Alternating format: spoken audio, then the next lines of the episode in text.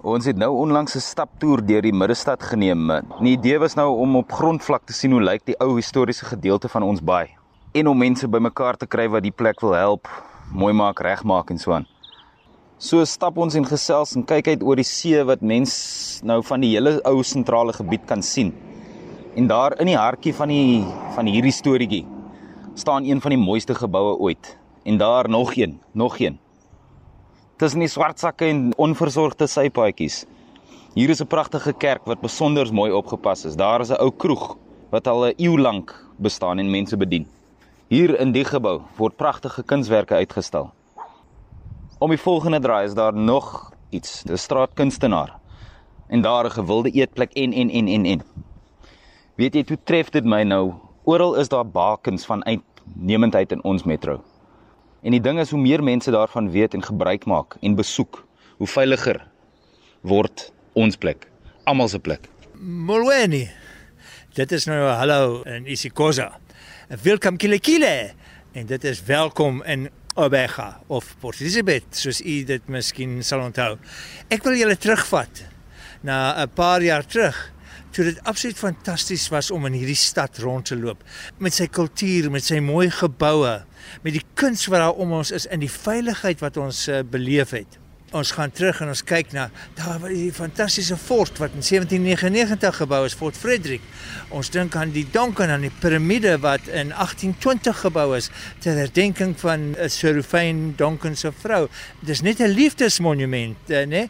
Ons dink aan die Donken huise wat ons uh, kan sien wat vol gerestoreer is. Daar's die Campanile, die Campanile of Campanile wat in Italiaans meen vrystaande toring wat gebou is vir die 28 settlers uh, vir hulle herdenking na 100 jaar wat hier was. En die kerke wat hier is, watter ander stad het twee lieflike kathedrale? Die een kathedraal is St. Augustine Katoliek net, die ander kathedraal St. Mary's wat Anglikaans is. Kom ons gaan kyk na die lieflike kuns wat binne daai geboue is. En dit het ons alles geniet. Ons het die plein geniet, daai lieflike stadsaal en oral het ons beweeg en veilig gevoel. Tony Neveling toergids van Nelson Mandela Bay wat vir al 'n baie sagte plekkie het vir al die historiese geboue en die kuns en kultuur van sentraal in Kebega. Maar tog, die verval het geleidelik ingekom en toe COVID in 2020 gekom het en die Grendeltydperk. Wat het toe gebeur? Ja, ewe skielik is alles toegesluit want dit alles beperkings oor distansie en mense in maskers ensovoorts ensovoorts. So baie van die plekke wat ons sou gehad het waar toeriste kon kom, was toegesluit. Maar gelukkig is daai nou opgelig en ons doen alles in ons vermoë om alles terug te kry en weer te herstel sodat dit is wat dit was voorheen. En dit help nie mense bly weg nie. Die mense moet kom, help ons, ondersteun ons. Daar's so baie dinge wat gebeur en daar is 'n spanne wat help om die stad skoon te hou. Ons dink byvoorbeeld uh, aan die belastingbetalers uh, uh unie wat hulle gestig het hier om in sentraal. Waar hulle nou die korrekte metodes toepas om die plek skoon te hou. Dat mense welkom voel weer dat die stadsraad meer aandag gee aan die sekuriteit hier dat meer mense in die stad veilig voel en dat hulle hiernatoe sal kom en weer ondersteun dat ons die plek weer skoon lewendig in vol uh, aksie kan kry soos wat dit voorheen was. Tony jy is 'n al jare lank 'n toergids hier En het jy na die pandemie beperkings en die grendeltydperiodes en so aan, het jy mense weer hier deurgevat en hoe veilig is dit? Nou dat die beperkings gelig is, kry ons weer mense en ek doen baie werk met skole en die leerders sodat hulle kan teruggaan huis toe en vertel wat hulle geleer het. En dit is heeltemal veilig. Ons sal natuurlik nie na plekke toe gaan waar dit onveilig is nie. Enige plek in die wêreld het plekke wat onveilig is.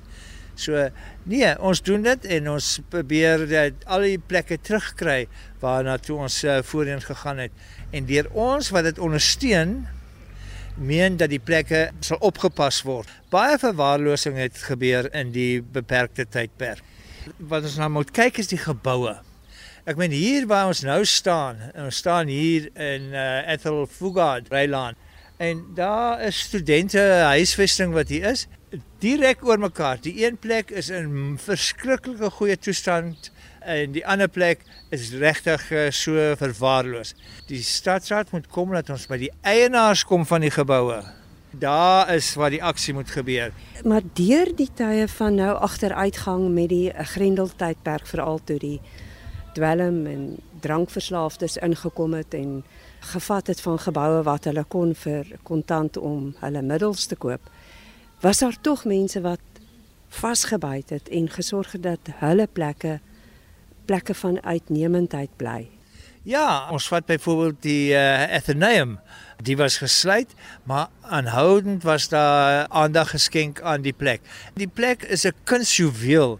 Binnekant het ons van die mooiste kunswerke vernaam die uh, soos dit bekend staan, die offisiële naam, the 67 beaded works. En nou is die teater weer oop maar dit was in stand gehou al die tyd en bewaak dat dit nie verrenoveer word nie. Mark Ferro, bestuurder van die Athenaeum waar kosbare kunswerke te sien is, is vasberade om die kuns- en kultuursentrum in die baie se sentraal gebied 'n plek van uitnemendheid te laat bly.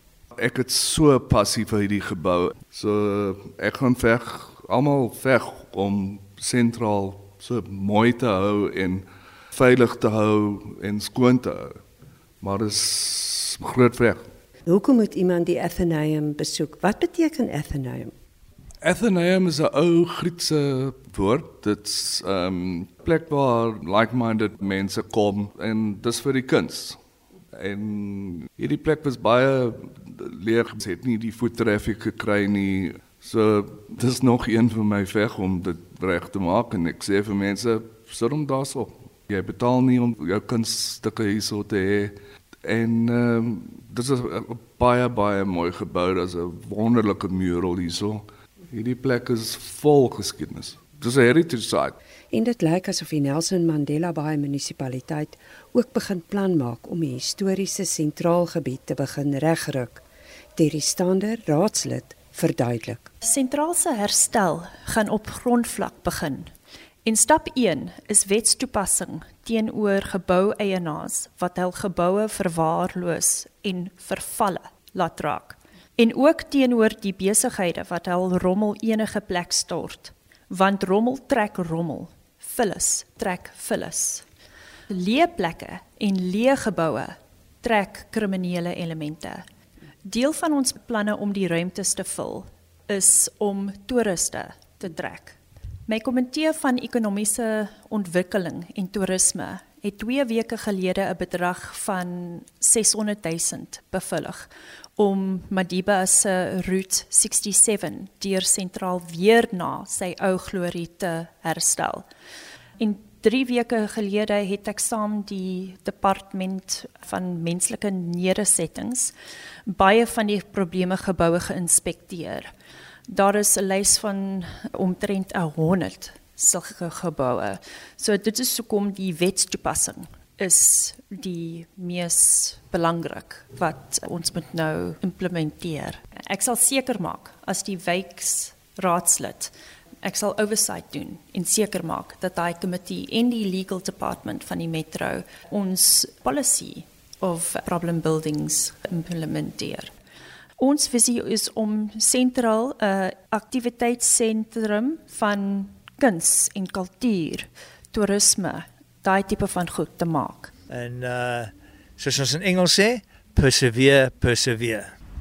En jy weet, een van die dinge wat ek uh, sê is uh wat doen elkeen van ons? En ek gaan nie sê wat doen u nie. Ek gaan nou sommer net heel plat vloers wees en sê wat doen jy om te help om hierdie plek reg te maak. Ja, jy en ons, daai jy word te ons en saam werk ons om die plek uh, agter mekaar te kry en weer daai juweel te word wat hy altyd was.